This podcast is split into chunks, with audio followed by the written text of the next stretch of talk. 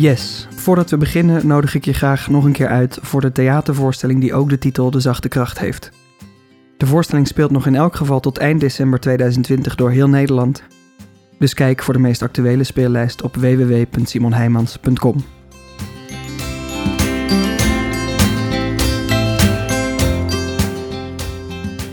Welkom bij De Zachte Kracht, de podcast. In deze podcast luister je naar de researchgesprekken die ik heb gehad voor de theatervoorstelling met dezelfde titel waar ik je net over vertelde.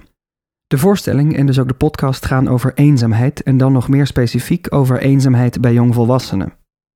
Je hebt misschien al vaker gehoord over eenzaamheid bij ouderen, maar ook bij de groep mensen tot 35 is het een veel voorkomend probleem. De experts die ik sprak raden mij allemaal aan om het onderwerp zoveel mogelijk bespreekbaar te maken. Te laten zien dat eenzaamheid niks is om je voor te schamen. Dus we gaan het erover hebben in deze podcast. In deze aflevering spreek ik met Janine Sinke. Nou ja, ik ben, ik ben specialist eenzaamheid. Dus uh, uh, dat is ook de opleiding, hè? de opleiding tot specialist eenzaamheid. Dus... Janine begeleidt vanuit haar bedrijf Het Aandachtshuis mensen met eenzaamheid en professionals die met mensen met eenzaamheid te maken krijgen.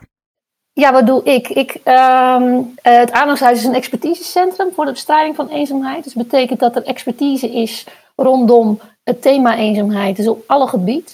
Ja, waar ik me vooral heel erg op richt is op uh, het trainen en uh, ervaring delen met professionals en vrijwilligers. Uh, wat ik ook doe is natuurlijk mensen in eenzaamheid ondersteunen daar waar nodig. Dus ik geef daar trainingen of lezingen of wat dan ook voor.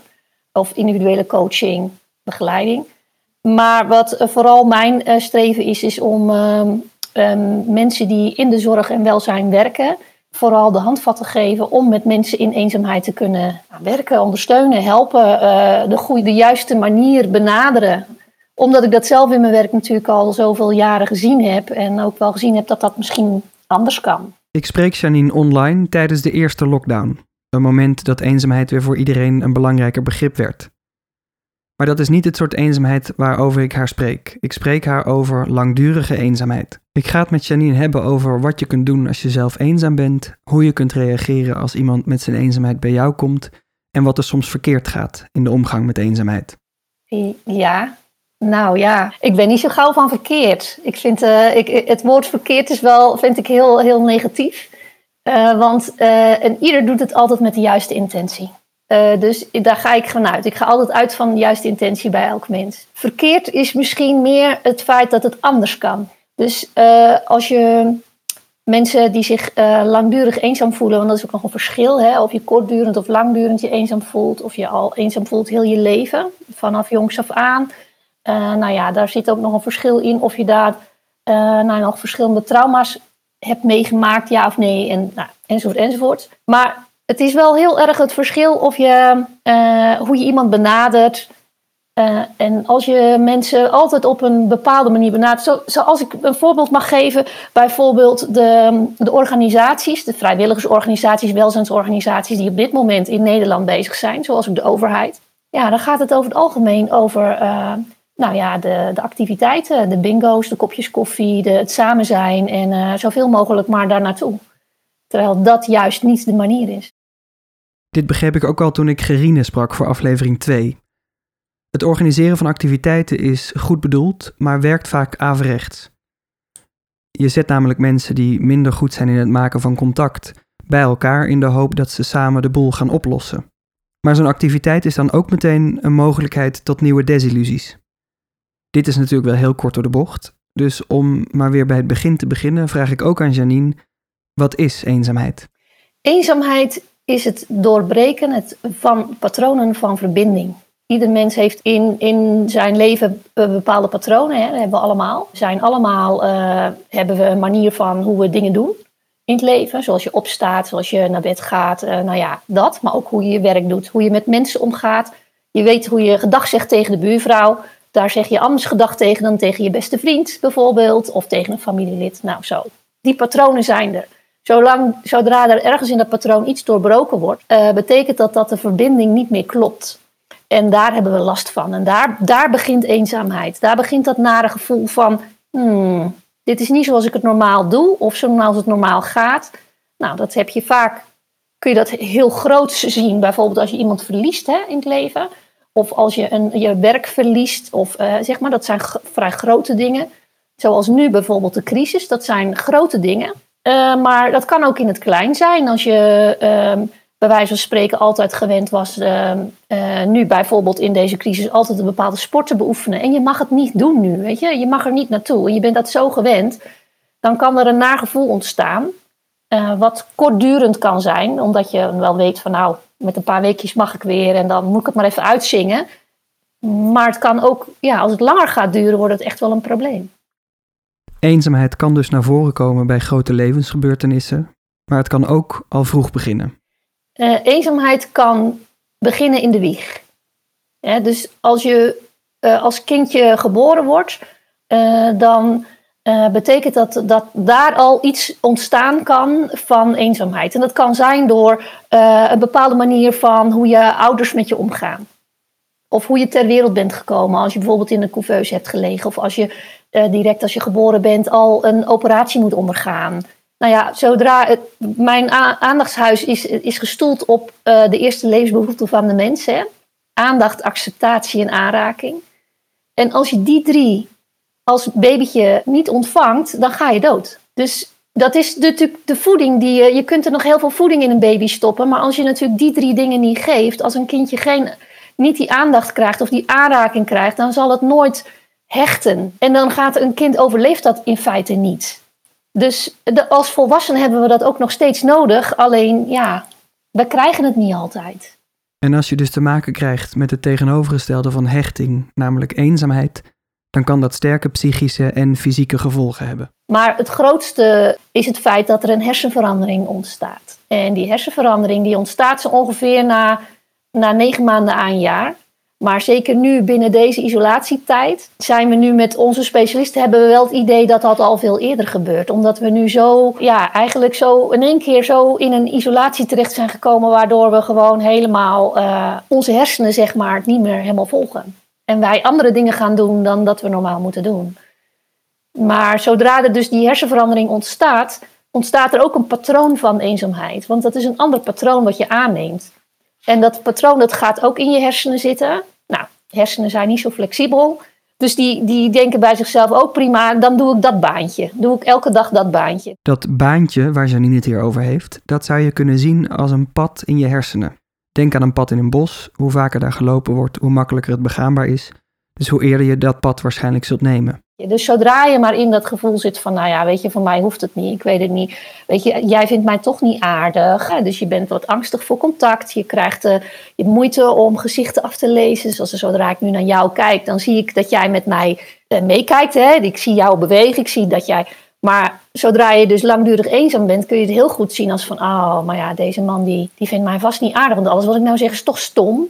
Dus ja, weet je, je krijgt een heel laag zelfbeeld. Dus je contacten met andere mensen worden steeds moeilijker. En daarom zeggen mensen ook heel vaak, als ik in een training professionals of zo les geef, dan zeggen ze ook wel vaak zo van, ja, maar dat is ook wel logisch. Die mevrouw is ook gewoon echt niet aardig. Nee, dat klopt. Je bent gewoon niet leuk. Als je, als je je eenzaam voelt, ben je gewoon niet je leuke zelf. Maar in jou zit nog steeds die leuke zelf, alleen die, ja, die komt er gewoon niet uit. Nou ja, en dan gaat het vaak steeds minder, want dan gaan mensen zich uh, last krijgen met nog naar hun werk gaan en daar allerlei problemen opleveren. Uh, dan komen er financiële problemen, maar dan, dan gaat het ook steeds verder naar isoleren. Dus dan gaan ze zich sociaal isoleren, waardoor ze de deur niet meer uitgaan, waardoor ze, nou ja, en dan, dan krijg je uiteindelijk uh, de nare gevolgen van, ja, de hele ellende, zeg maar. Waarom ben ik nog op de wereld? Dit kan dan in de buurt komen van een depressie, maar toch is eenzaamheid iets anders, zegt Janine. Ja, nou, ik, ik probeer altijd wel, zeg maar, want ik ben geen therapeut of psycholoog, maar ik probeer, zeg maar, wel altijd aan te geven dat uh, mensen die zich eenzaam voelen, die hebben hoop. Mensen die zich depressief voelen, meestal niet. En ik probeer zo een beetje de, de scheidslijn te, te, te, geven. Want mensen die zich depressief voelen, die zijn vaak hopeloos. Hè? Die zien geen, geen toekomst, geen uitzicht. Die zien uh, een zwart gat. Die zien, terwijl mensen in eenzaamheid dat natuurlijk net zo goed ook kunnen hebben. Maar eigenlijk merk ik wel dat de meeste mensen die zich eenzaam voelen... altijd nog die hoop hebben van... Ja, maar anders dan, waarom zou het anders nut, nog nut zijn dat ik hier ben? Dus ik moet nog iets doen. Alleen ze, komen niet tot ze komen, ze komen gewoon er niet toe om, om voor zichzelf. Dus het is ook doodeng, weet je. Het is ook doodeng om daar naartoe te gaan. En, en voor jezelf toe te geven dat je denkt, ja, maar het gaat ook niet goed met mij. Maar het is heel normaal, hè. Eenzaamheid voelen is heel normaal. Het is net als dat je uh, rouwt om, uh, om een verlies, is dat ook heel normaal. Je hoeft er niet voor naar de dokter of zo. Ik bedoel, eenzaamheid, dat hoort bij het leven. Alleen je mag wel weten wanneer het voor jou een probleem gaat worden.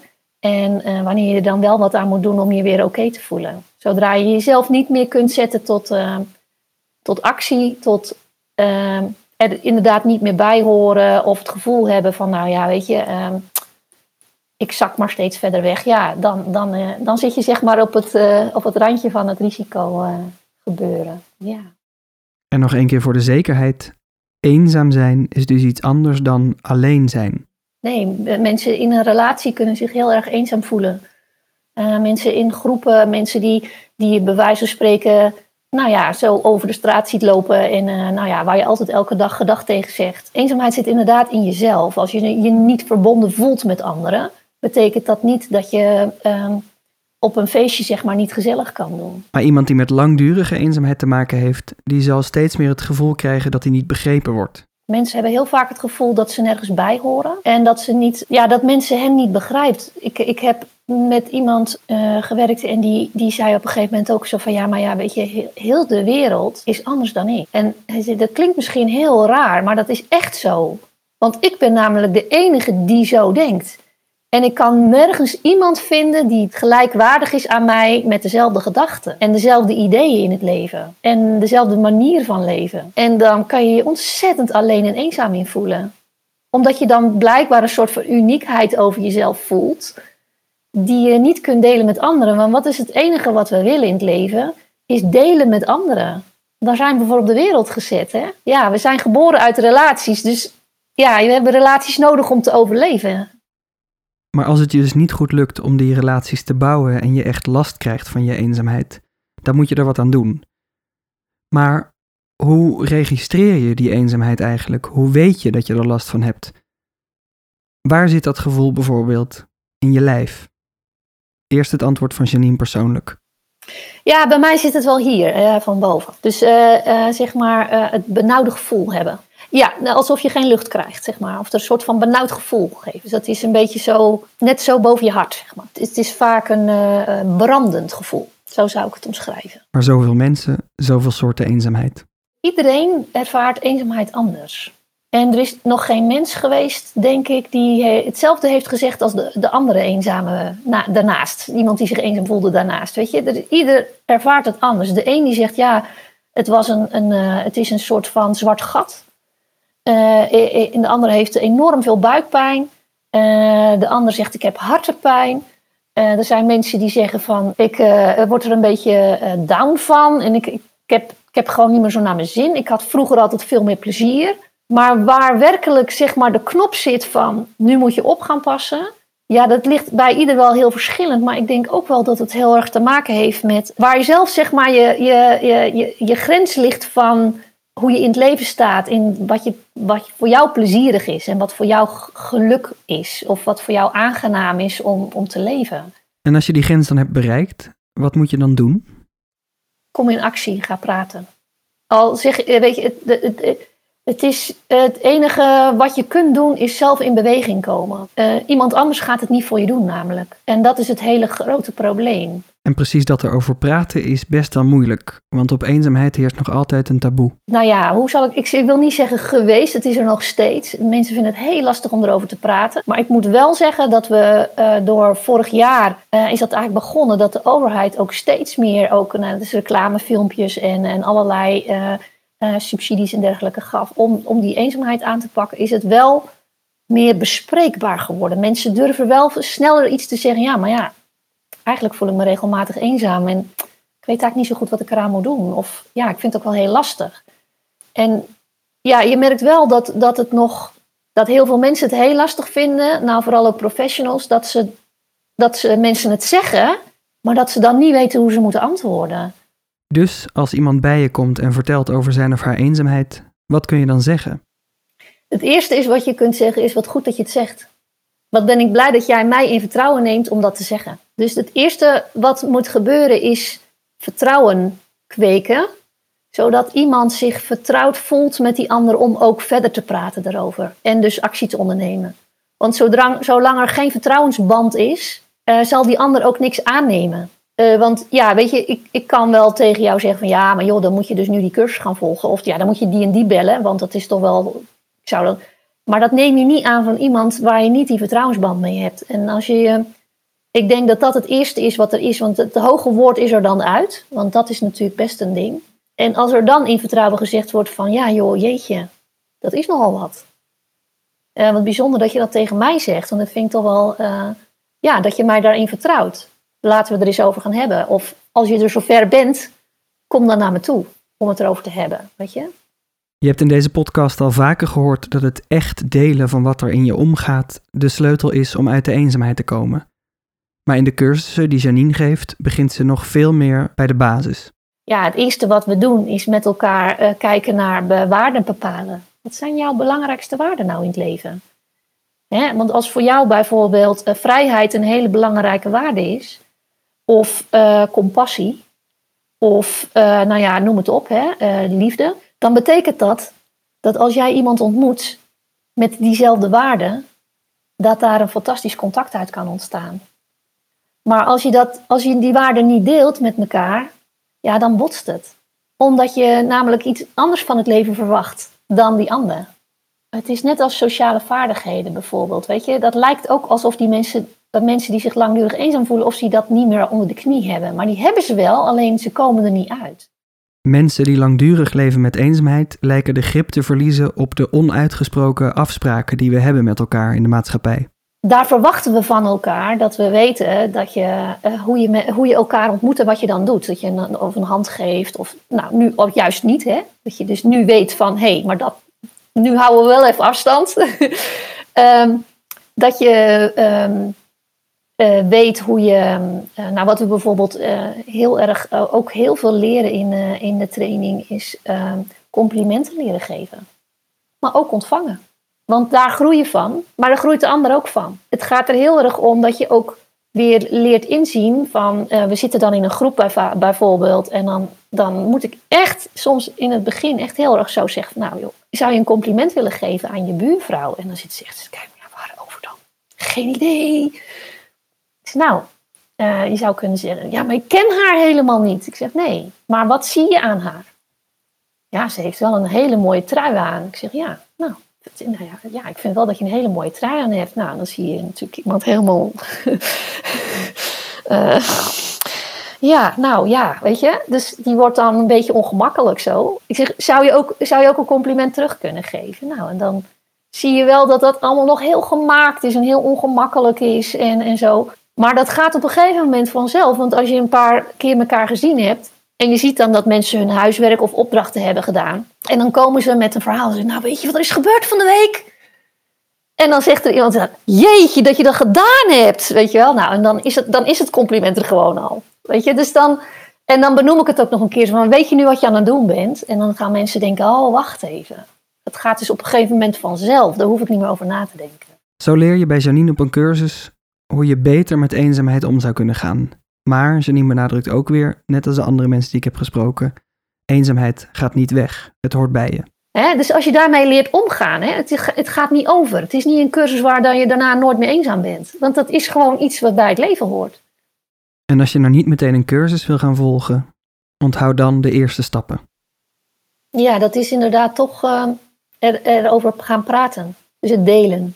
Zodat je dus toch het, uh, het, ja, zeg maar je verhaal daarin kwijt kan, zodat je niet meer het gevoel hebt dat je daar de enige in bent. Dus dat, dat is natuurlijk wel heel fijn, want als je het deelt, heb je vaak wel uh, dat iemand tegenover jou zit of naast jou zit die zegt van, goh, ja, zo had ik het eigenlijk nog niet gezien. Of um, hoe, ja, hoe, hoe kijk je daar dan zo tegenaan? Hoe, hoe doe jij dat dan, weet je wel? Dus dan ga je het erover hebben.